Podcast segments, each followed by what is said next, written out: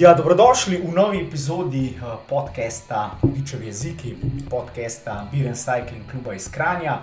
Uh, tokrat smo z vami po malenkost daljši pauzi kot običajno. No, Vmes so bili malo do dopustov, tudi ene resne življenjske odločitve, uh, povezane z, z poroko in tem zadevam, ne, tako da mogoče mehko upravičljivi razlogi. Ampak ja, danes smo tukaj z vami no, na tale uh, drugi res dej na dirki po Španiji, na Vuelti, več ali manj bomo se fokusirali tle, ne. Slovencem spet na dober kaže, da pripeljemo rdečo nazaj v Slovenijo, oziroma Monako, no, tako tam vmes nekje. Uh, in pa me bomo pogledali tudi na ostale dirke, ki so se odvile, počasi se približujemo tudi Rosmu, pa svetovnemu prvenstvu, tudi na mountain bikeu se je neki dirkal. Tako da, po mojem, taka zanimiva epizoda. Ja, mislim, da bo v redu, rezultatsko smo na pravi poti. In ne, Mohorič bo, po mojem, na, tam na nizozemskem, pa v Belgiji igri za zmago, Roglič sploh, mogoče še Luka Mezgec kaj naredi, tako da mislim, da ne bo manjkalo. Tako da kar gremo, ok, z vami pa. Nec. Matej, Pa Andraš, ne, in kot je že znano, oziroma ja, če nas poslušate prvič, ne, lahko se naročite na tele naše podcaste, oziroma nas spremljate tudi na Instagramu pod BCC Kran, Biren Cycling Club Kran, tam pa naš social manager Žan skrbi, da, da ni dolg čas. Ne. Ok, se pravi, Vuelta se je začela v Burgosu, ne, izpred katedrale, oziroma celo greva so se nekaj v katedrali, kar je bilo kar zanimivo videti, ne, so rekli ta Vuelta katedrala, da je to letos, in začela se je za slovenske ljubitelje kolesarstva vrhunsko. Ne. Aleks Rambaru je bil na tistem hot situ, oziroma bil je tisti plastičen sit, se mi zdi, kot ga imaš tam v Novigradu, v kempih. Ne. V bistvu ni v kempih, ki ni zložljiv. Ne, Pred Ne, ne, ne, tako Pred apartmajem, pred apartmajem, ja. Ali pa daš. v prikolci tudi smeš. Ja, bolj pa pavšal pa, ja, pavšalski, pavšalski, plastični, plastični beli stoli. Tako. In tam je Aleks Rambaru presedel kar dolge, dolge ure, potem pa zadnji štartni listi olimpijski prvak, Primoš Roglič, ne, Servela moj pripravo in lušten, zlat kolo in Primoš, tako kot je zaključil v Tokiu, v Burgosu nadaljeval, kar suverena zmaga na koncu. Ja, mislim, očitno se je tako navadil na to rdečo majico, da res ne more brez nje, ker eh, ne no, na tem kronometru je šel spet kar raketa. Če smo mogoče razmišljali, da bo, ne vem, rabo malo po Tokiu, ne vem, da bo vse pršel ali pa da bo že malo utrujen od vsega skupaj. No. Nič ni kazalo na to, ja. super kronometer, ne vem, brez pripomb. Tudi Jana Tratnika ne smemo pozabiti, na tretje Definitivno, mesto. definitivno. Jan Tratnik To je bil zelo blizu da tudi res. Vrhunsko se je začela Vuelta za Slovence. In Ne, mi smo že pol po Twitterju začeli brati, super, super, ne, Primož bo lahko uh, cele tri tedne v rdečem, ne, ampak ja. Kolesarstvo ni tako simpel, oziroma kolesarstvo je zelo taktičen šport. Tako da smo v rdeči majici videli kar nekaj presenetljivih kolesarjev, zdaj do tega drugega RSD-ja. Ko izpostavimo tale intermarše v Antiguber, ne, nekako eh, smo jih eh, pred začetkom, Matej neki ni verjel, ni verjel v, v to ekipo, no, se tudi mogoče niso pokazali veliko. Mi smo omenili, da imajo par močnih Ja, kolesarjev. Terameja smo omenjali in Rena to se je šlo in- kar Ja. dobro za najo, ne glede Pač, na to, da je nosil majico. zmaga, pa rdeča majica, se pravi, ja, ja, ja, ja, dobro, no, ja, se strinjam. Ja, no. Ampak ja, Renta Mare smo rekli, ni kar en kolesar, ne, Ne, v bistvu že zmagal tudi dirko po Sloveniji. Tako tako. da, ok, Renta Mare je nosil rdečo majico in mislim, da je za uh, Intermarše v Antiguber že to bil en vrhunski uspeh. Ne. Ne, sigurno. In etapna zmaga, in se pravi, potem majca vodilnega, to so za ekipo, kot je Intermaš, Ivanti Guber, siguren, um, lepi uspehi. Tudi, um, z, oni imajo sezono praktično super, sploh glede na to, če smo začetek sezone pogledali njihov roster, um, dosegli so zmage um, na pač res pomembnih dirkah, um, še zdaj ta rdeča majica, pa ne samo ena, se pravi, Rejnta Ramajo je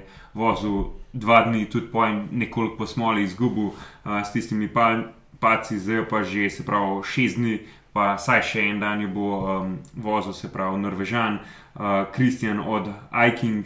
Um, Ker se tudi zelo dobro voz, uh, sicer tudi on je v bistvu iz Bega prišel do te majice, um, ena taka mogoče malo kontroverzna um, odločitev z primožove strani za tiste, ki ne spremljajo kolesarstva tako podrobno, ampak um, vse to so neke um, zelo premišljene taktične odločitve, da je primož to majico dal samo na posodo um, ekipi. Ki očitno to obrani majice veliko pomeni, um, zagotovo je za njih to um, praktično skoraj en izmed teh highlightov oziroma vrhuncev sezone, um, za Primoža je pa to pač um, korak do osvojitve te. Rdeče majice v zadnji etapi, takrat, ko največ teje. Oziroma, možnost, da gremo prej v hotel. Ja, ne, pa se v bistvu je to se išlo na koncu res idealno. Dal sem majico ekipi, ki si jo res želi, oni si jo absolutno ne želijo, še zdaj.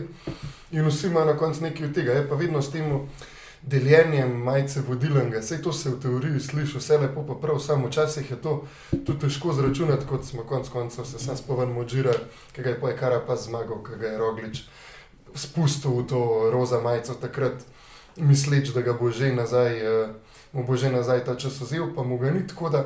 Dobro, zaenkrat se je od Kristjana King, mislim, da ni nevaren tudi. Gijam Martin, mislim, da ko bo šlo res za res, ne bo zdržal tako, da zaenkrat. Oziroma, ko bo prišel kronometer. No, če več drugega, tako, tako. Je pa res, no, to se ti zelo hitro lahko tudi malo po nesreč, ta, ta taktiziranje, pa naletiš na enega, ki mogoče ti ne pade v oči, pa si prevoziš 4 minute prednosti, dobi krila, pa ga pa kar naenkrat težko nazaj dobijo, se že zmagovali, tako dirke. Tako da, ampak zaenkrat super, zaenkrat, noč ne gre. Zaenkrat vse pod kontrolo in sigurno za eno tako ekipo z manjšim proračunom v tej Vortur družini. Super, eh, super sezona, kot je Matej omenil, oni so imeli mogoče res malo slabši turne, tam jih praktično niso bili opaženi in tukaj so zdaj naredili. Jaz mislim, da so si zagotovili sredstva, da bodo tlele v Vorturu vsaj še kakšen let. Ne. Pa že Džiro smo imeli dober. Džiro smo imeli, ja, etapno zmago, tudi na Džiru odnesel, ampak tukaj mogoče. Preden gremo nazaj v hribe, da mogoče mehko komentiramo še šprinterske etape, in tukaj definitivno jaz bi spet izpostavil Alpes in Phoenix, ne? ker to je v bistvu ekipa pač nižjega razreda. Ne? Jaz še zmeraj pravim pro-kontinental, čeprav zdaj, zdaj je to pro-seris, ne nekaj takega. To ti noben ne more ja, zameriti, če se vsake dve leti mi spremljamo. Gre, gre za ekipo, ki je praktično nastala, oziroma mnogi, mnogi te skeptiki so učitali, da je to ekipa zgrajena okoli Matija Vendrpola in za Matija Vendrpola. In na to, da lani so končali na prvem mestu teh pro-seris ekip, kar pomeni, da so letos mogli praktično štartati vse največje dirke. Mnogi so učitali, da ekipa ne bo. Zelo ni jim treba, oni dobijo povabilo. Ja, dobijo povabilo. Lahko jih ja. tudi ne. Ja, mnogi so učitali, mogoče mnogi so se sprašvali, da ekipa ne bo konkurenčna, sploh na teh Grand Tourih, kjer bo prišla. Uh, brez Matija Vendrpola, ampak kakšna sezona za Alpes in Phoenix, praktično etapne zmage na vseh uh, Grand Tourih, ne, in z različnimi kolesarji. In že 25 zmag. Ja, tako da res, vsaka čas, fanti. Jasper Philipson je tukaj vzel ne prvo šprintersko etapo. Um, Alpes in Phoenix je bil prva, etapa, uh, prva ekipa letos, ki je usvojila etape na vseh treh tedenskih dirkah. Um, in zaenkrat, vsaj kot sem jaz um, štel, pa zadnji nisem sicer malenkost um, spustil iz očitnih razlogov, um, je samo še Bahrajn, taka ekipa, ki ima zmage na uh, vseh treh tedenskih dirkah. Quick Stepu, naprimer, uh, manjka Žira, etapna zmaga. Um, od ostalih pa mislim, da Ineos je še en, ta, oziroma ne, Ineos tudi nima nič iz uh, Tura. Mislim, da so praznih rok. Ja, Emirati, ja, Emirati pa še nič iz. Ne, Emirati. Emirati, Emirati. mislim, da so. Ja. Na Džiru, na Džiru mislim, da niso Emirati. Aj ga viri, da dobijo tam. Ne, Dombrovski je. Dombrovski, ja, ja. Dombrovski jo je, pa zdaj Majka. Ja, se pravi, so tudi že. Tako se pravi, zdaj Bahrajn. Ja, tu so ekipe z neprimerljivim večjim proračunom. Bahrajn, Emirati in Alpes in so mislim, da zaenkrat um, te, ki imajo etapno zmago. Od Alpes in Phoenixa, tako da, tako da res, no, mene so, mene so dečki navdušeni, no, tudi dobro dirkajo, aktivni so tudi tam, ki niso mogoče kakšne šprinterske etape, aktivni v pobegih. Tako da zelo, zelo simpatična ekipa, za katero pa tudi en, ne vem, zelo velik del sezone še le prihaja. Ogromno teh dečkov tudi voz ciklokrost, tako da bodo ostali pospravili, pospravili svoje kolesa v garažo, bojo fantje. Dal ven kolesa z malo širšimi gumami in jih bomo lahko gledali na teh zanimivih ciklokrosih, ki smo jih že omenili. Pa ok, če gremo nazaj na šprinterske etape, še en uh, super vrnitev, ne, če tako rečemo. Ja, ta zgodba Fabija Jakobsena je bila pa res ena taka pravljica kolesarska, mislim, da ko je Fabio dobil... Ne bi rekel, da je pravljica. Ne, zdaj, ne, ne, vrnitev, aha, zdaj je pravljica, ja, tako, tako. Pa ja. ne, takrat, ko je Fabio dobil etapo, mislim, da pa ni bilo tudi enega kolesarja v pelotonu, ki mu jo ne bi prvošil, ker ko smo lani gledali tisti padec na dirki po Poljski in sem cmok v grlu, pa upaj, da bo človek še kdaj da bo živ, ali pa da bo hodil, ali pa da bo lahko govoril, ne pa da bo praktično en let kasneje zmagoval etapo, etape na dirke po Španiji. Tako da res, res lepo, spet se kaže na to, da je pač eh, tudi z, kako bi lahko temu rekel, rezervnim vlakom De Dekonika, eh, še vedno je to tudi rezervni vlak dovolj dober, da, um, da pride blizu. Oziroma, ta rezervni vlak je tako dober, da ga včasih tudi Fabio Jakobsen ne more To, držati. to je bila pa najbolj bizarna etapa. tudi se zgodi.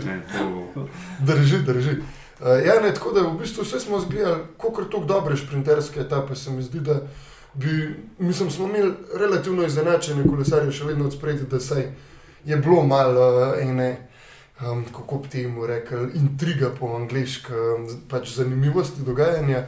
Uh, je pa ja, no, spet imamo pa razočaranje v tej.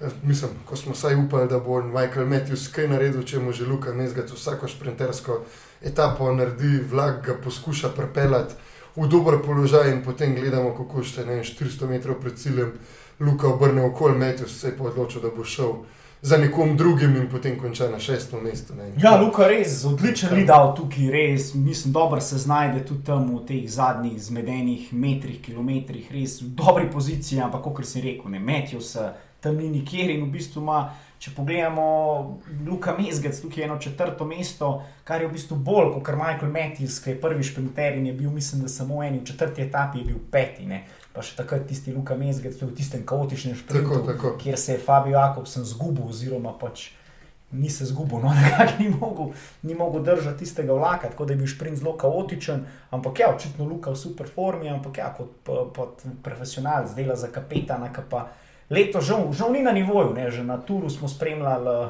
podobno zgodbo, tule na Velti se tudi ponavlja. Ne. Pa se je bil Matthews enkrat, mislim, da tretji eno. Drugi etapo. bil, sem tista bila gorska. Bil je, tretji je bil, se pravi, 12. etapa, a to je bila una, Tako, se pravi, malo bolj razgibana etapa. Ja, to je bila tista Mega. etapa, ko je Magnus Kort uh, lepo slavil. No. No, ja, pa kuj drugo etapo je bil tudi še tretji. Tako da, dobro, no. tam, tam sta z mesecem, bomo rekli, ampak um, Pač, jaz bi rekel, da je, če se gremo v čistem sprintu, govorimo, Luka več šans, da kaj naredi. Ker mislim, da je Matthews imel dovolj šans, pa ni uspel zmagati, da bi bilo nekako pošteno, da tudi malo zamenjate vloge. Ampak dobro, pač vemo, to so sponzorska sredstva, avstralska ekipa, avstralske zvezdniki in to pač mi ne bomo spremenili. Ampak ja, Magnus Kort je meni še eden od zvezdnikov te Vuelte, ker resno, tista šesta etapa, ki je dobil. Tist bi jaz sicer rekel, no, da je tam Primož Roglič dal enih deset postov dol, pa bi ga po mojem lahko na ciljni črti ujel, ampak bi ga potem spet raztrgali, tako kot so ga takrat, kaj Džina Medarja v zadnjih metrih, pa se mi je zdelo, da je Primož nekako viteško prepustil to zmago uh, Magnusu Kurtu, ki se je pa zelo pogumno vožnjo definitivno zaslužil. Ja, še en tak aktiven kolesar, Tako, belih, tako. velik. Ne. No, in potem bil pa meni fascinanten, še spet je bil Magnus Kort v begu v 11. etapi, ko je spet dobil Primož Roglič na tem res strmem zidu na Valdepine z DHN.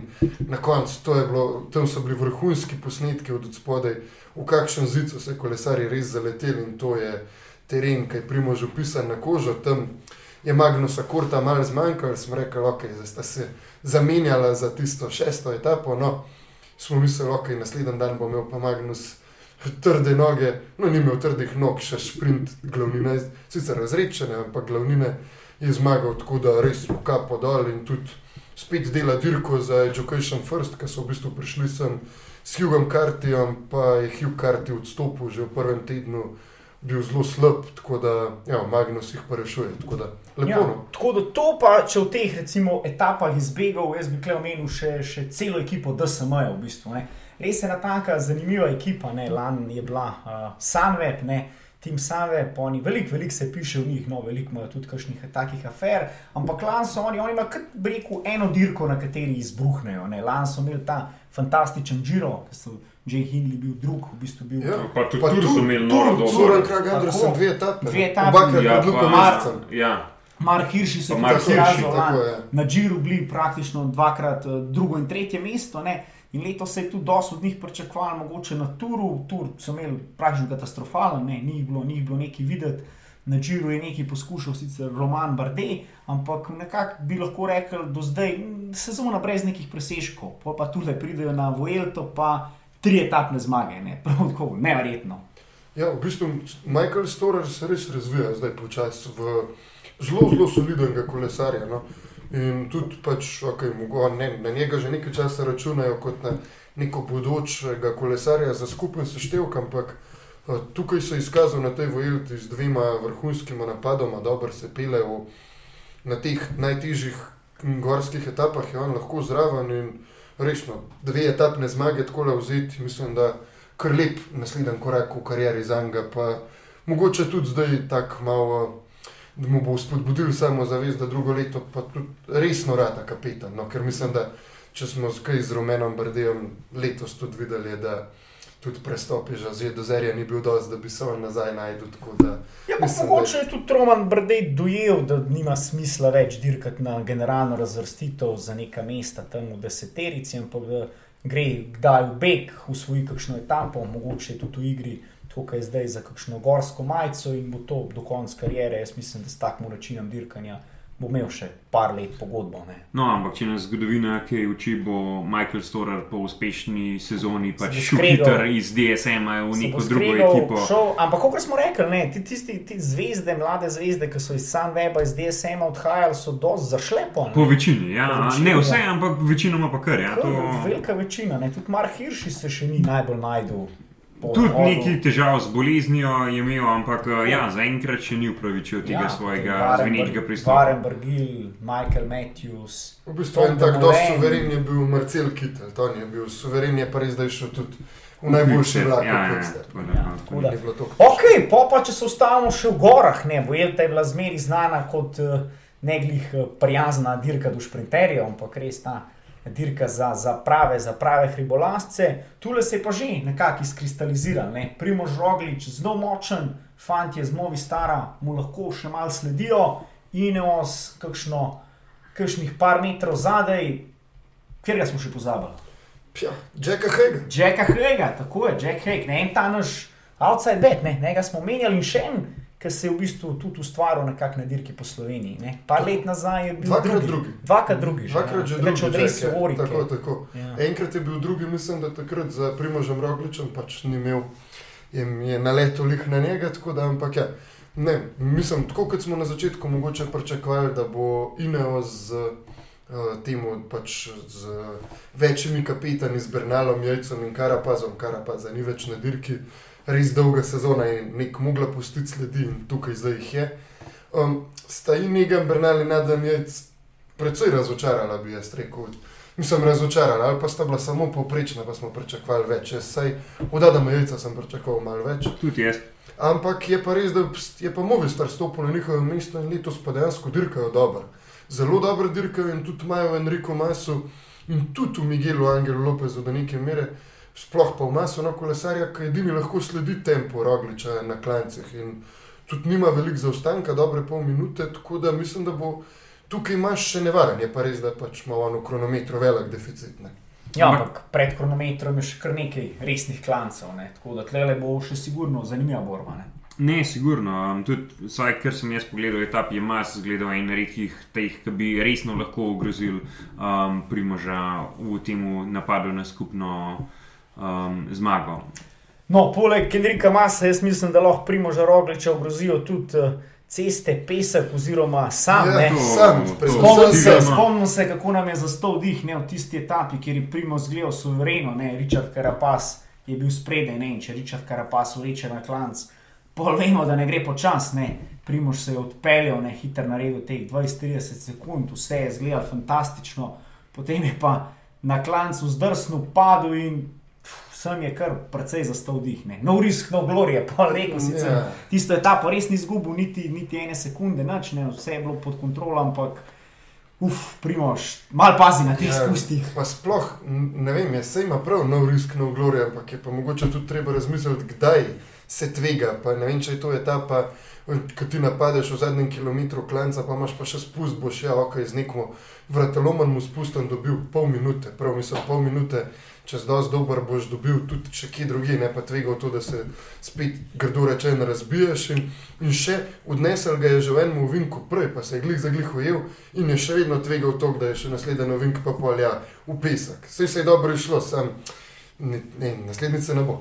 Take napade lahko uh, delaš, če si res suveren na spustih. Jaz bi take napade pričakoval na od večin zanimali v najboljših letih, zdaj mogoče uh, tudi on že ni v teh um, situacijah, da bi sploh lahko napadel v tej, uh, na takih klancih, ker ga pač ni več zraven. Ampak on je bil tisti, ki je poj odpeljal spust na glavo in naredil tam mogoče še kakšno dodatno sekundo. Pri primožu pa pač ja, bolj. Um, Se sprašujem, ali bo zvozil, kot koliko bo še naredil um, neke dodatne razlike. Ja, ampak čeprav Primoš znal tudi na spustih delati razliko, jaz se spomnim tiste njegove druge etapne zmage na Turu, ne, ki je v bistvu na spustu naredil razliko do drugega. Je bila to tudi prva.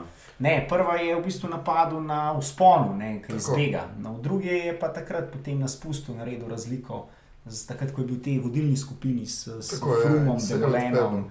Ampak obakrat se je pa končala etapa po spustu. Okay, ja, ja, ja. Ampak prva njegova etapna zmaga je bila s klasičnega bega, ne? druga je pa v bistvu. Ko je držal skupino tako. favoritov, ne, kar takrat je še tako pokazal, da okay, s tem primožem bo pa zelo, zelo resno mm -hmm. računati za naprej. Ne. Treba se tudi sam vprašati, primožu ni treba napadati, le on je v pol pozišnju, če se uporabimo dirkaške izraze. Se on je najboljši kronometrist in trenutno tudi še vedno ima časovno prednost pred vsemi ostalimi. In se ja, tudi če si mislil, da lahko, da bo zvozil tisti spust, enostavno, ko še tveganje včasih pač ne odtehta tega, kar lahko pridobiš, sploh ne na taki etapi. No. Ja, ampak je pa mogoče tudi res, da primoš takrat začutil noge, da lahko še malo poveča to prednost, a, ker tudi. Kot on, kot seveda tudi vsi ostali kolesari, ne vejo točno, kakšne bodo noge v tretjem tednu dirke. Če bi si lahko takrat nabral, pa mogoče samo pol minute dodatne prednosti, bi bilo to sigurno um, nekaj dobrega. Pa seveda tukaj ne govorimo o prednosti na napram Žuljemu Martinu in um, Kristinu Odoajkingu, ampak napram tem glavnim konkurentom, Enriku Masu in pa Lopezu, pa Heigu, pa uh, Ineos dvojicu, se pravi Bernalu in Jajcu. Ja, ampak tukaj, ok, če smo zdaj že pri Primožu, jaz mislim, da moramo imeti še enega slovenca, ki na tej dirki ne pač. Jana Polanca, kot smo nekako predvidevali že v napovedi, so Emirati tukaj bolj kot ne prišli po etapne zmage. Ne naredili so ekipo s fantov, ki so fajn garali za, za pogačarje oziroma za ostale kapetane v, v, prete, v tem preteklem delu sezone, tukaj imajo več ali manj dečki proste roke in tudi Jan je poskušal no, z, z parimi napadi, parimi begi, tudi nekaj časa bil celo na petem mestu, enkrat bil v bistvu praktično zelo blizu rdeče majice, tako da zaenkrat. Tudi že bil virtualno. Ja, tudi virtualno je bil v rdeči majici, tako da kar eh, zanimiva, pa aktivna dirka za Jana. Sicer je zdaj v drugem tednu, sicer malo popustu, ampak vsem, tudi uspel podaljšati pogodbo z tako. Emirati. Ja, bomo videli, mogoče če je pa Jan v formi, pa če je pač presodil. Da bi ja, še on lahko pač skočil, je bolj, da se je nabral za teh 50 minut zaostanka, pa ko bo zdaj v tem zadnjem tednu priložnost za pobege, ga bodo spustili obegne. Ja, sigurno bo Emirati še poskušali eno etapno zmago, že imajo, z Rafael Majko, ne, mu sem res prvošil, ne, bil je v bistvu na turu en glavnih pomočnikov, teda ja Pogačarja zelo simpatičen. Štiri leta je čakal na to zmago. Ja, tudi če bivši zmagovalec petne dirke po Sloveniji. Tako je v bistvu, da dirka po Sloveniji res dela. Dela, dela, šampione, dela, dela. dela šampione. Ja, dobro je mi, da so že dirkali, da nas to pa moramo reči. To je definitivno. Uh, Ej, ko pa ki komentira ta vajnega favorita Aleksandra Vlasova? Ja. Pa drži se, drži Ma. se nekje na robu deseterice. Ampak ja, tudi za njega, no, tudi za njega, tudi za njega že kar dolga sezona, ja. ne, veš, tako da on je že tudi na Džiru začel, bil zelo blizu uh, tam dobrim uvrstitvam, oziroma bi en glav, glavnih kandidatov, da premaga Bernala, ne sicer. Uh, potem se mu ni šlo, ampak le, tule, če pogledamo, trenutno je na 11. mestu. Jaz mislim, da nekje v deseterici bo končal, ampak ja, definitivno sem pa tule od njega pričakoval malo več. Ampak očitno te fantje, ki so, ki so dirkali že Džiro, praktično nobenega ni v spredju, ok, Ian Bernal, pa še za njega smo rekli, da ni ravno na, na nivoju, ki smo ga videli. Čeprav se dviga, meni se zdi vsak iz etape v etapo bolj suveren. Se mi zdi, da bo nevaren. Jaz mislim, da se temu Inesu nekako ne, ne izide ta taktika večjih kapetanov, ker ko se naredi luknja in sta v tisti skupini potem zadaj skupaj Jejc pa Bernal, se kar oba mal gledata, kdo bo zdaj to pokril. Jaz mislim, da noben ne gre na smeno. Unovdilo, ampak mogoče gre na 95 posto, pa v njih 5 posto večkrat špara in potem nastane 20, 25, 30 sekund, če bi bile tukaj vloge jasno razdeljene, pa bi ne vem, Bernal v filter potegnil jajca zraven, bi bilo malo drugače. Ampak tukaj se mi zdi, da se kar mehko pogledata, oba sicer menjate tam na začetku, ampak Ineos Sky je vedno deloval zelo, zelo, zelo, zelo jasno hierarhijo, kdo je kene. Enkrat je frum to mal probal. To bi, se, to bi bilo še zanimivo enkrat uh, mehen bolj prebrati. Upam, da se v filmu odločil mogoče za kakšne spomine. Oh, definitivno bo. Spomine Podjeten človek. Spomine iz tistega tura, uh, tako da, ampak ostalo je vedno bila zelo, zelo jasna hierarhija, kdo je kapetan, kdo so pomočniki. Letos pa so na parih dirkah že poskušali tole z večjimi kapetani, pa ne na turu, ne na Velti se jim nekako. Čeprav ne, v, v resnici. Kaj ti pa ostane drugega, če veš, da nimaš enega kolesarja, ki bi bil boljši od Primoža Rogliča ali pa tudi Deja Pogačarja, s katerimi pač tekmuješ na teh tritedenskih dirkah, če ti veš, da ga ena na ena pač ne boš premagal, ker saj niti Egan Bernal, niti Adamec ne zgleda, tako da bi ga lahko. Ti pač ostane samo še to, da probaš z nekimi pač drugačnimi taktikami pa napadi. Čeprav meni se Ja, zdi, oni niti ne probajo z drugačnimi Točno to, taktikami. to jim jaz zamiram. Oni Jaz jim ne zamiram kakor več, ker tako, V jaz- dobrih časih skaja na tempo Tako, in čakajo, res da bojo ostali odpadli. Res je, to bi mogli biti neki napadi 60 km pred ciljem, pa na vse ali pa nič, pa Juri še ima, pa ne vem, da se je cel jumbo skur zraven. in- Kot frum na finestre. ne. Tako in Pač, ja, pa kot je delo to Movistar v preteklih sezonah, se In ne bi tudi uspešno, letos ampak mogel delati Movistar. Meni tudi to ni jasno, zakaj Movistar še vedno gleda Rogliča, če imajo pač Enrika Masa in Miguela Angela Lopeza. Jaz bi Miguela Angela Lopeza poslal recimo v, zdaj, v zadnji etapi, v nedeljski, na ta pač prezad, zadnji težek uspon. Pa ne gre temu napad, pa se mora jumbo skurt, pa bomo videli, mogoče pa ga ne uspejo ujeti, pa se dobi tri minute prednosti, pa je kar naenkrat favorit za zmago, če ne se pa skurt, pa mogoče lahko Enrik Mas pač neki profitira, da boste pa na koncu drugi, pa tretji na dirki, pa mislim, da se ni slabo, sem še vsem bi bilo pa fino, saj probat zmagati. tako. Ja, verjetno, ampak um, še zmeraj mi pa je ta vprašanje. Tudi če se um, res zgodi, da se celoten jumbo res skur, pa potem mas ne more um, zbežati primožu rogliču, pa da potem mu še na koncu primož, naprimer, skoč pa naredi še 20 sekund, potem pa pač praktično zapravil Lopeza, pa tudi verjetno njegovo visoko generalno vrstitev, hkrati nis pa naredil prav veliko. Zdaj- lahko se reče, da si probal zmagati dirko, ne da si čakal, kako boš druge. ne. To je res, ampak Ja. ja. na koncu drugo in tretje mesto je pa vseeno več kot te, to, da lahko rečeš, da si probal. No, samo mogoče ti pa reta zmagati.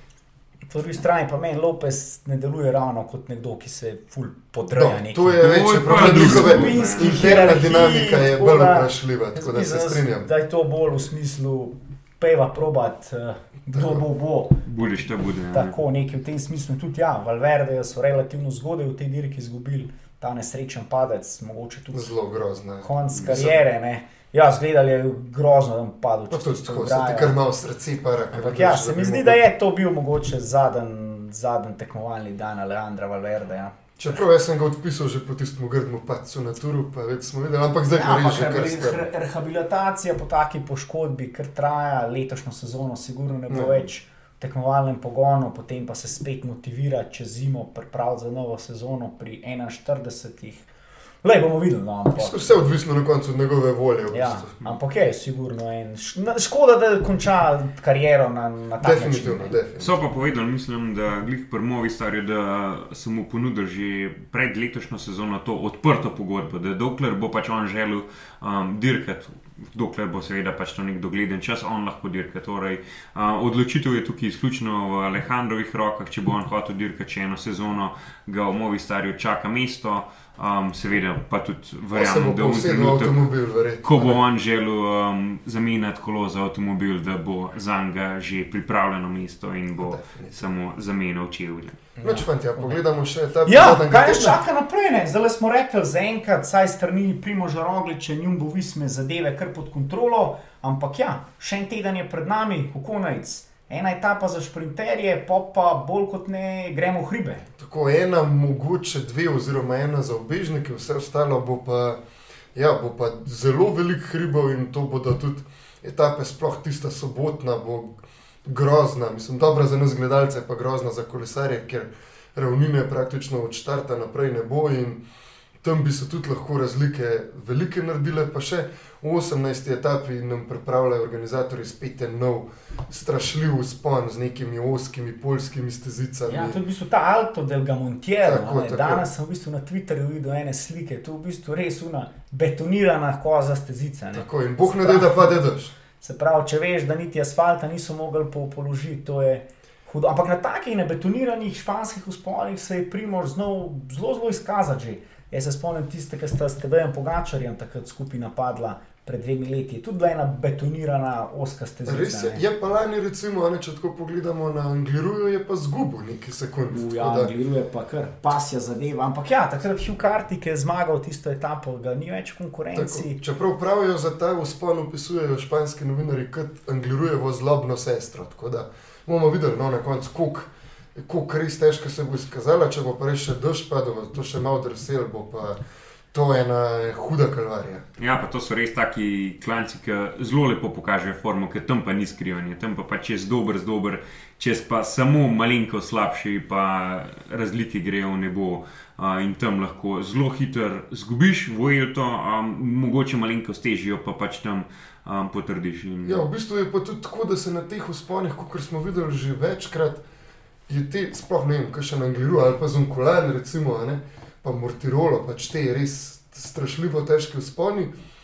In toliko strahu vlijajo kolesarjem v noge, da se nihče niti ne upa, kaj dosti pred ciljem zelo napadati, ker vsi sam čakajo, kako bom zvozil pol tiste zadnje dva km, če me zdaj slučajno nek zabaše. In včasih take etape prenesejo kar nek premirje v narekovajih. pozicija. Tako pad pozicija je boljši izraz. Ja, ima pa, ima pa Primož, v, bi- v bistvu smo omenili ne, na zadnji dan, ne, v nedeljo še enega aduta v rokavu, ne, se pravi uh, kronometer, kot smo omenili že v napovedi. Ne, letos se Vojelta po dolgem času ne zaključi z neko parado v, v Madridu, ampak s kronometrom v tem romarskem središču Santiago de Compostela, kjer se zaključujejo te kamino Jakobove poti. Ne, in tukaj kar relativno dolg kronometer za te, bomo rekli, moderne standarde, za klasične standarde, je to nek sprint, skoraj da ne. ne. 34 km, tukaj se lahko resne razlike naredijo, sploh po treh tednih dirkanja. Tako je, samo mislim, da je tle, mislim, tukaj, sploh če pogledamo, zdaj prej smo omenjali Enrika Masa, ne, in da, kot da se nam zdaj zdi najbližji konkurent Primožu. On bo na tem kronometru, če bo vrhunsko odpeljal, dobo minuto zaostanka proti Rogliču in to, pa če bo vrhunsko odpeljal, zdaj še bolj verjetno je, da v dobu dve. Zaradi tega, če tako pogledamo, že, da že začenja zadnji teden s 35 sekundam zaostanka, mora Enrik Mas nek vsaj dve minute najti, da se bomo na zadnji dan sprašvali, ali bo lahko premagal Rogličane. Je pa res, mislim, ni, ni poš, mislim, po mojem, da ni glih dobro to primerjati s tistim kronometrom na turu na koncu, ker ti ga je Primož še vedno dobro odpeljal, so ne, Ja, mislim, na ja. sedmi ali osmi, pač sam. O, deseterici. ja. Tedaj je bil pač za razred zase. boljše. Pa tudi profil tega kronometra v Santiago di Composteli je kar podoben profilu v Tokiu. Ne, se pravi, ne Tako, gre za ja. tisti raven klasičen kronometer, ne gre pa jih za un gorski, kjer je treba kolo vmes menjati. Ne, se pravi, razgiban kronometer z usponom, ki se ga pa da celega prevoziti na kronometrskem kolesu. In ravno to se mi zdi, da je v Tokiu naredil Primož največjo razliko, ne, ko so vsi v bistvu že avzicali po domač povedanje, Primož praktično vse tiste klance zvozil na kozi v kronometer poziciji in tam, je, tam se je naredila ta razlika. Ne. Ja, jaz mislim, da tle Primož, eno- če bo, da bomo videli, kako se bo razpletel zadnji teden, lahko se zgodi marsikaj, ampak če bojo razlike ostale približno, da bojo kolesari blizu, bo to Primož samo še potrdi zmago. No, se mi zdi, da tlemu nihče od teh kolesarjev, ki smo jih prej omenjali, ne more priti prav zelo blizu. no. Ok, rekli smo, kaže dober in uh, vsi držimo pasti, da bomo lahko v nedeljo odpirali šampance že tretjič zapored. Tako, tako tretja rdeča in on se bo izenačil, mislim, bo prišel zdaj s tretjo zmago na Vojlti, čist pod vrh. Sam še Roberto Eras bo pred njim v zgodovinskih knjig Vojlte, tako da upajmo no, na novo Ja, upajmo, upajmo, res, kašna, kašna, kašna, kašne sezone bi lahko. Tako da srečno primož. Ok, iz Španije se pa selimo malo bolj gor na, na sever, ne? nekako bomo rekli, v eno od domovin kolesarstva, tudi mi bomo tam, uh, sicer je mesec kasneje, ne? s karte za tono prvenstvo za V Belgijo. bistvu tako dve domovine kolesarstva. Dve domovine, ja. Karte za Belgijo, svetovno prvenstvo imamo že rezervirane ne, in že komi čakamo, uh, trenutno pa fanti dirkajo po Beneluxu. Ne. Ena zanimiva dirka, ki je v preteklosti že dobil tudi Matej Mohorič in kot smo videli danes, je v dobri formi. Oh, mislim, da je bilo tole kar profesorsko. No, ta dirka po Beneluxu ima eno vrhunsko stvar, ki jih je treba zelo pohvaliti in to že šest let traja, ta njihov Golden Kilometer. To, oni se nek zberejo, nek mislim, da mora biti po pravilniku, ne vem, preko med 25 in 15 km do cilja, nek mora biti ta Golden zlati kilometr in v tem zlatem kilometru so v tisočih metrih tri šprinti in v vsakem šprintu lahko dobiš po 3, 2, pa 1 odbitno sekundo za skupni seštevek, kar pa če gledamo rezultate. Bing Bang, Kajene, Kabine, Luxa, kako koli se že imenuje, vsako leto malo drugače od prejšnjih let, so razlike v skupnem seštevku, vedno grejo na sekunde in so ti, ti sekunde na odbitni na tem zlatem kilometru zelo, zelo pomembne. In danes je bil Matej Mohorič v begu, takrat od spredi bočni veter je razturil glavnino, ene petkrat so se res razbili po celi cesti. In Mohorič je bil v spredi, danes dobo 4 odbitne sekunde, kar je bilo največ med vsemi. Kolesarji, tako da je začel se super, zgledal je dobro, in še pol, ko so v bistvu malo počakali, malo pa jih je ujela ta prva zasledovalna skupina, kako koli že, je isto sta s Kolbrelijem vlekla, delala razliko. Tudi zaradi tega, ker je Remko Evenepol zaradi tehničnih težav zgubil minuto pa pol, pa da je ta razlika ostala taka, kakor je. In na koncu smo videli Mohoriča, ki je iz smene šel še na zadnjo pozicijo v grupi, potegnil Fila Bauhausa še enkrat naprej, da bi ja, Bauhaus po šprintu zmagal. Sicer mu ni uspel, bil je drugi, ampak. Spet zmaga za Alpec in Phoenix. Tako, Timmerley je spet vrhunska vožnja, ampak ja, Matoj vrhunsko in tudi povedal v izjavi pred dirko, da je jasno cilj na ta skupaj seštevek, to mu je cilj. Ja. Glede na to, da je že bil še zmagovalec te dirke, je, mislim, da ima tudi letos dobre možnosti.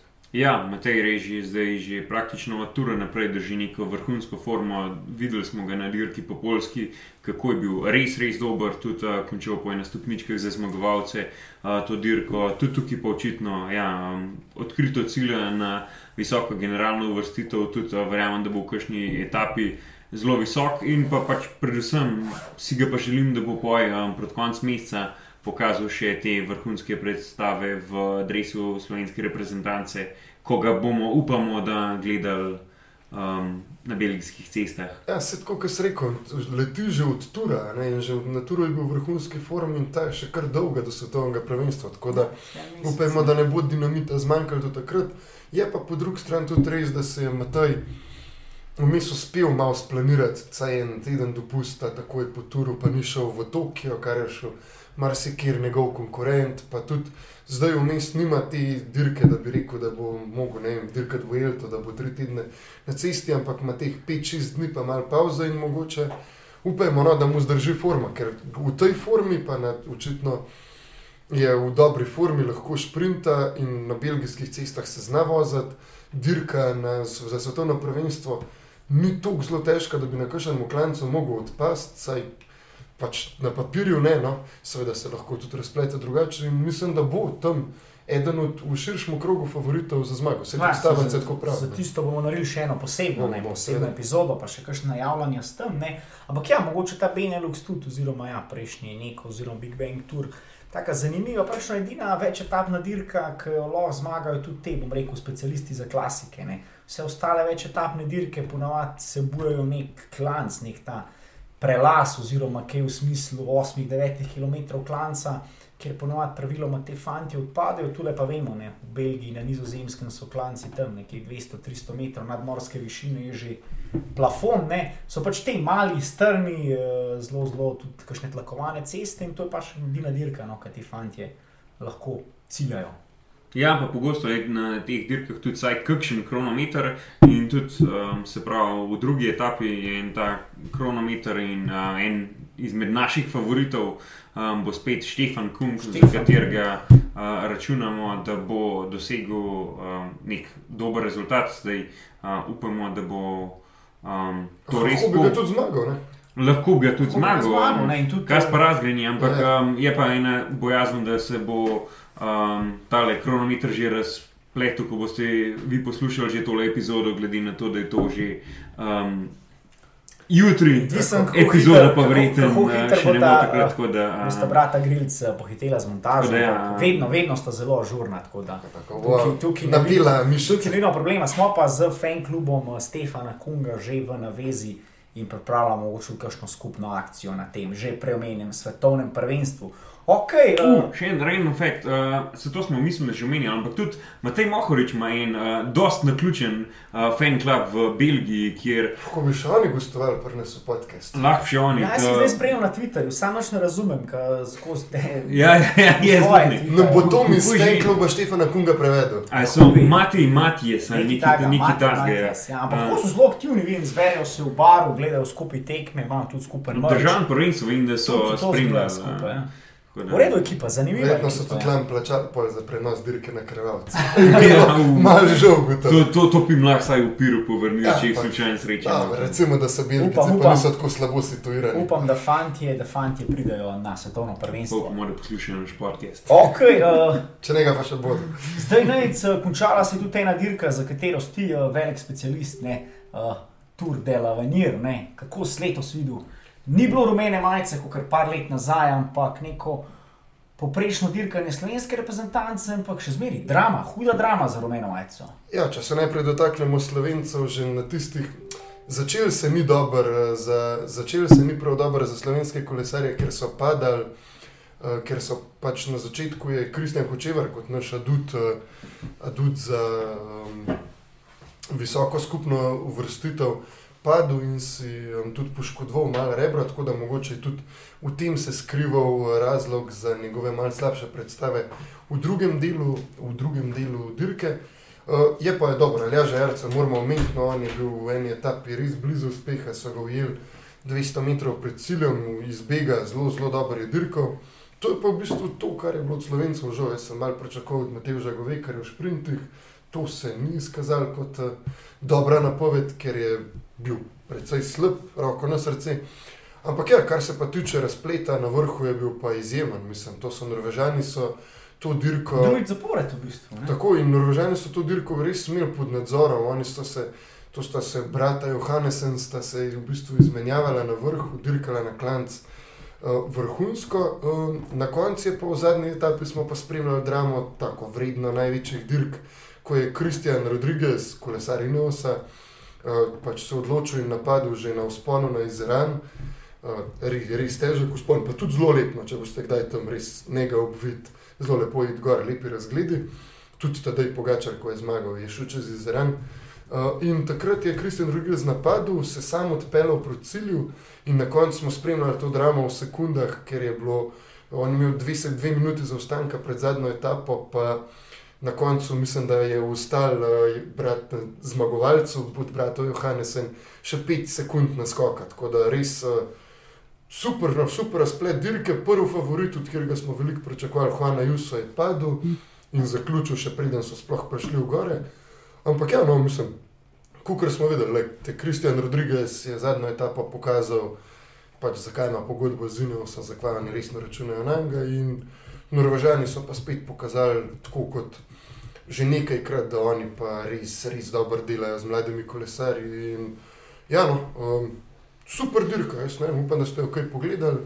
Če ne leto, se pa dajte naslednje leto, res plača. Očitno, očitno prihaja ta norveški val v kolesarstvu, ne tule na Vojelti smo videli Norvežan vod, dvakrat zapored so zmagali Venir, mogoče to naslednja mala nacija, ki bo, no vse niso tako No, mali. vse ne. tako, vse oni so tudi kar nekaj let, v bistvu so imeli Aleksandra Kristofa, Ja, pa, prej- Edward Boasson-Hagen. pa Tora Hušovda, No, Ja. ja, vse imajo. um, so imeli, so bili že eh, blizu, ampak ja, Ja, zdaj so bolj v teh tako. vodah, ne, In zdaj Vse Norvežanov ti ni to zelo, zelo velik eh, kot ljudi. kot nacije. Ja, ampak država je pa zelo velika. Država je ogromna, ampak ljudi pa ne ima, je samo razlagal, 4 milijone ali nekaj Če takega. bi, če bi Norveško v bistvu flipnil, ne, tako v bistvu, da bi obrnil, da prideš vse do Afrike, ne, se pravi iz Osla, iz Osla do severa Norveške je v bistvu to, kot iz Osla do.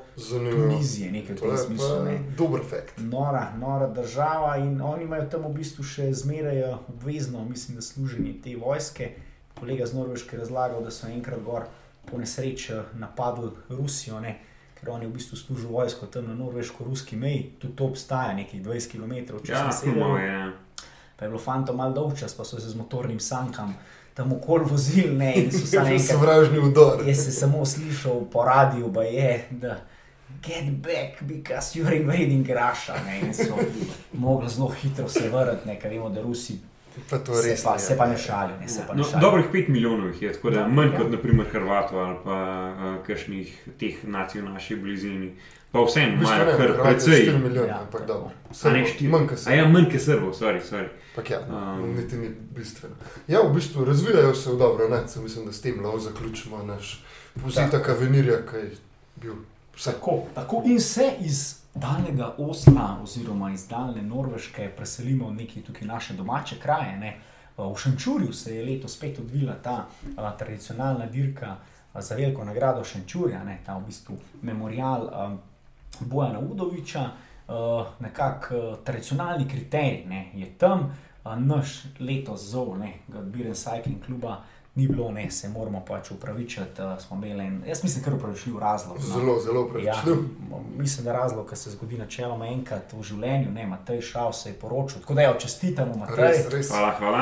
Uh, tako da, ja, ampak kot uh, fantov smo so bili tam ne, uh, na Ušenčurju, smo slišali, da je zelo ena taka zanimiva dirka, uh, zanimiv kriterij, ki ga je dobil v hudem, hudem nalivu, ga je potem dobil David Perne, to je v bistvu kolesar, tudi že z Vortu izkušnjami, ne, dve sezoni je dirkal za, za Bahrajn, ne, zdaj mislim, da že tri sezone nazaj v, v, v Adriji Mobilu.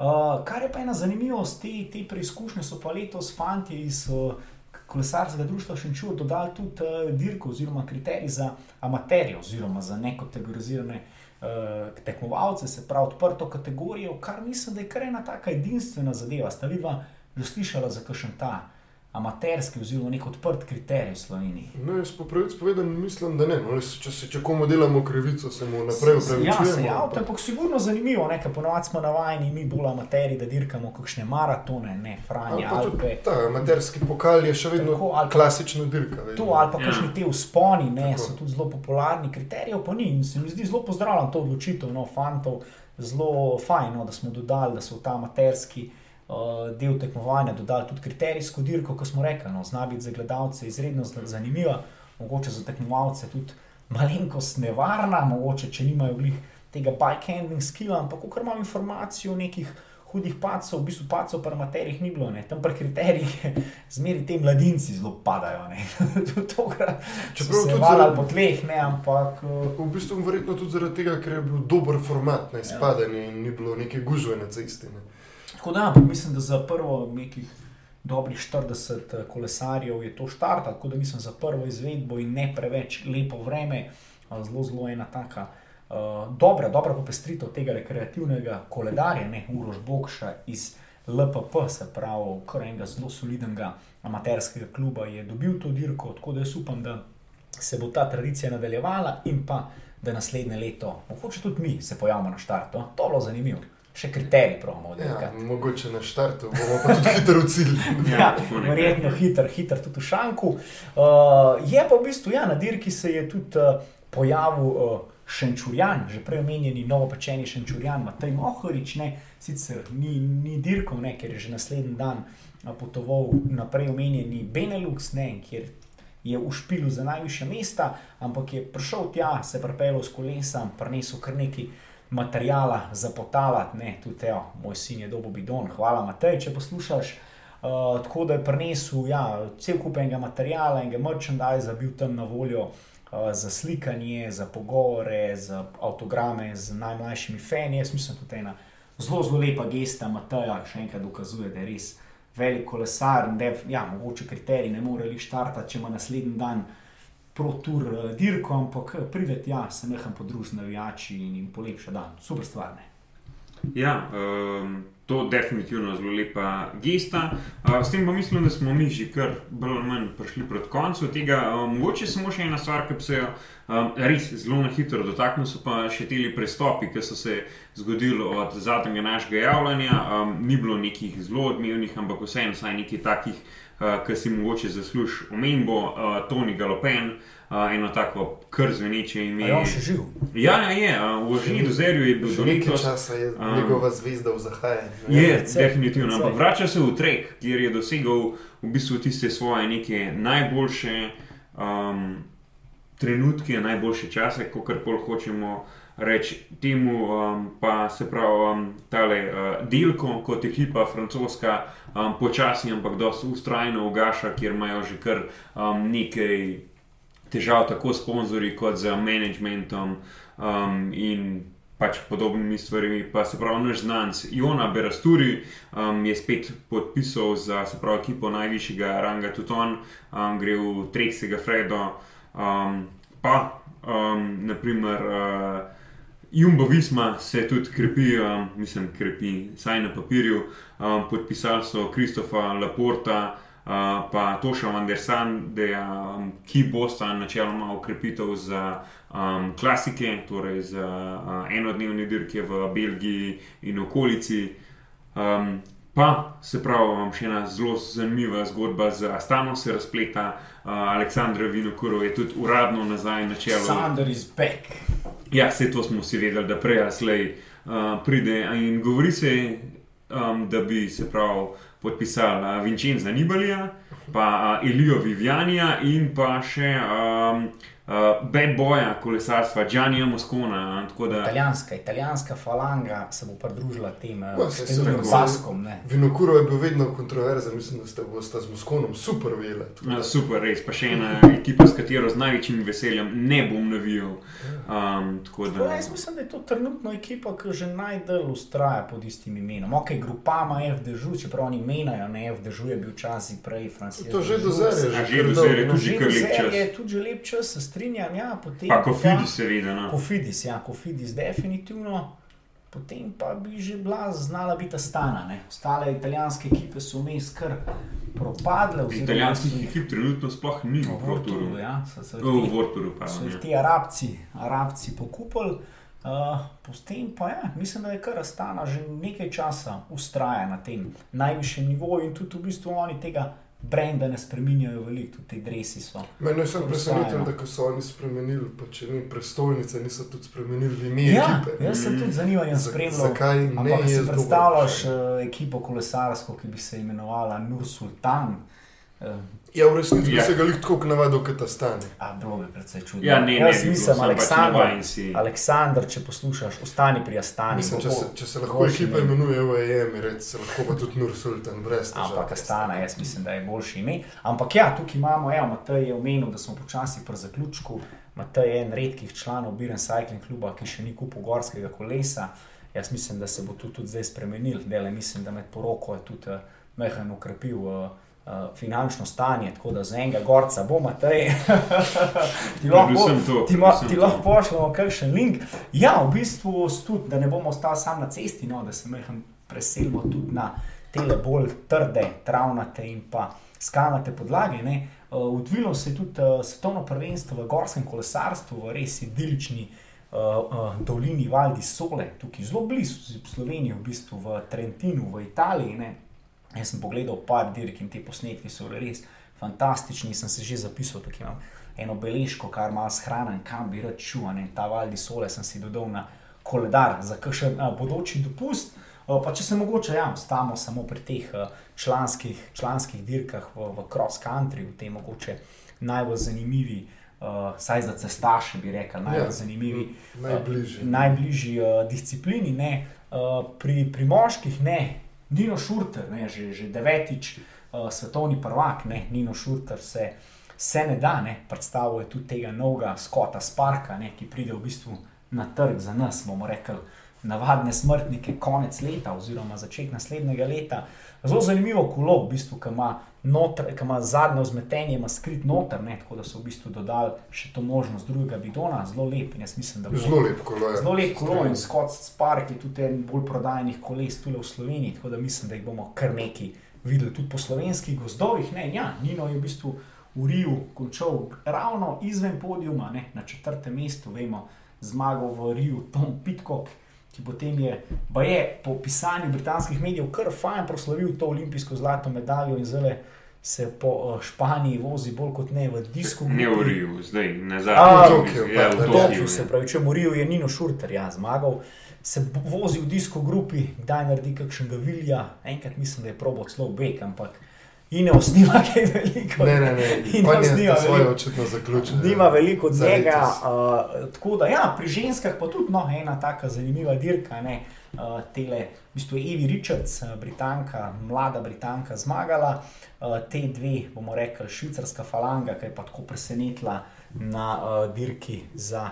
Olimpijske, za olimpijske igre, ne, trojna švicarska zmaga, ki se je res fantastično gledati. Pa potem olimpijska prvakinja Jolanda Nev končala na četrtem mestu in pa srebrna Sina Fraj na tretjem. Tako da Švica, Švica ostaja ne, neka vele sila tega, bomo rekli, mo, gorske kolesarstva, tudi pri moških, ne, dvojna, dvojna švicarska zmaga, ne, Matijas Flukinger na, na drugem mestu, uh, pa mogoče menimo še slovence. Ja, v bistvu najprej omenimo, dobro, lahko omenimo slovence v krosu, tam eh, pač rok naglič, mislim, da je to pač njegov domet, tam v drugi polovici uvrščenih, žal tudi Tanja Žakal, zadnja leta je to pač njen domet, neko okoli 40. mesta, to niso glih uvrstitve, s katerimi bi se bilo treba bahatno, ampak dobro, pač oddirkali tako kot so. Smo imeli pa veliko več uspeha v spustu, ne, Tako. tam Monika Hrast je končala na četrtem mestu spet se je žal ni posrečal zgornji del proge, naredila kar nekaj napak, pa bila po spodnjem zelo hitra, kar je bil v bistvu en tak državu iz dirke v Mariboru, kjer je točno identično zgoraj izgubila tudi možnost za zmago in tudi tukaj je ona bi s spodnjim delom pač lahko postala eh, svetovna prvakinja ali pa vsaj bila na eni od prvih treh mest, ampak dobro. Že spet je končala prvi peterici, tako kot celo sezono, tako da Moniki je res kapo dol. Ja, Super dirka. Monika še zelo, zelo mlada kolesarka. Tako, ne, tako. Še cel kup možnosti za razvoj in tudi še nekaj svetovnih prvenstv pred nami. Je bilo pa v moški kategoriji zelo zanimivo, ker je Greg Minar v tej najbolj divjaški disciplini gorskega kolesarstva pri 40 letih postal svetovni prvak. To četrtič v karieri in res. Pri 40 zmagati spust, kjer moraš biti malo ubrisan, Malo da, da res je res kapo dol, tako da zelo lepo. No. En tak zanimiv prvenstvo našim fantom se tudi tle ni na moški dirki posrečal, Jure Žabjek pač je malo že od tistih svojih najboljših let, že kar precej oddaljen, Luka Brginc je imel malo smole, tako da, evo, no, mislim, en prvenstvo je za nami, zdaj pač škoda je, ker ta prvenstvo v Sloveniji neki Ni blazno niti ni ni pokrit, ne, niti ni ja, ni podprt, odmeval. zato ker ga pač težko ga je gledati, niti ga dobro na televiziji, na Eurošportu bi lahko gledali vsaj spust, ampak tako, malo se pri nas to zgubi, pa je škoda, ker je to so zelo zanimive dirke za gledati in tudi se mi zdi, da za nekega povprečnega fena so te enourne dirke, kot sta in cross in v bistvu downhill, to, kar to traja, zelo, zelo dinamično za gledati. No. Ja, dinamično, zanimivo in pa. Ja, in ko smo že omenjali, ne, Trentino, Trentino v bistvu ustaja v UCI koledarju, ne, že zelo, zelo kmalo, že čez dobrih 14 dni se bo v Trentinu, sicer malo južneje, eh, izval Visoja pri Trentu odvilo tudi Evropsko prvenstvo. Uh, o tem bomo še kaj več rekli uh, naslednjič. In pa, kot smo rekli, počasi, počasi gremo proti Belgiji in pa proti svetovnemu prvenstvu. Ja, mogoče naslednjič tudi če nekaj o tem, o drami, glede uh, selektorja slovenske reprezentance na cestni dirki, um, kjer se na Kolesarski zvezi Slovenije spet odvijajo neke uh, ne najbolj jasne zadeve, čeprav je sicer Andrej Hauptmann že v preteklosti napovedal, da bo zaključil svoj mandat, je bil pa ta um, razhod malenkost. Um, Saj tako zavit v neko tančico skrivnosti, pa ne pa vsem jasen, tako da bomo to še malenkost raziskali in celotno zgodbo. Um, To bomo raziskali, to bomo obdelali, in naslednjič eh, se vrača spet eh, Fashion Kotiček, eh, tokrat je Matoj uproščeno, ne, on se je zadnje 14 Mogoče dni izbirati kravate. Ne. tako veliko se je ukvarjal s svojim fashionom, ne ni imel toliko pozornosti za kolesarski fashion, tako da je v bistvu uh, ponovno uh, povlekel iz uh, omare svojo maturansko obleko, jo no, probal. no, no, no, no. Je ugotovil, je da mu ni več prav, ne? tako da je mogel uh, nabaviti novo srajco, kravato, ta full paket. Ne? Tako da jaz mislim, da bo kmalo objavil tudi še kakšno dodatno sliko, bomo tudi mi kaj dali na, na Instagram profil, da boste videli, da je bil naš fashionista, da je dober zgled na poroki, pravi, pravi fashion, uh, fashion freak. Mi pa se slišmo že čez dober teden, ne? ko se bo zaključila Vuelta. In kot rečeno, vsi upamo, da rumena oziroma rdeča majica že tretji zapored pride v Slovenijo, takrat pa pogledamo tudi proti Evropskem prvenstvu v nam relativno bližnjem Trentu oziroma Trentinu. S Tadejem Pogačarjem, tako da rezervirajte si malo dopusta, pa pejte malo Pa, pa pejte gor, ker so to zelo lepi konci, takrat se pa tudi že razpletel tudi tale Benelux tour in pa še kakšno zadevo bomo najdel. Tako da srečno, poglejte nas, lajkajte nas tudi na, na Instagramu, BCC Kran, Biren Cycling Club Kran, naročite se, kaj nam napišite, pa na zdravje. Na zdravje. Zdravo je.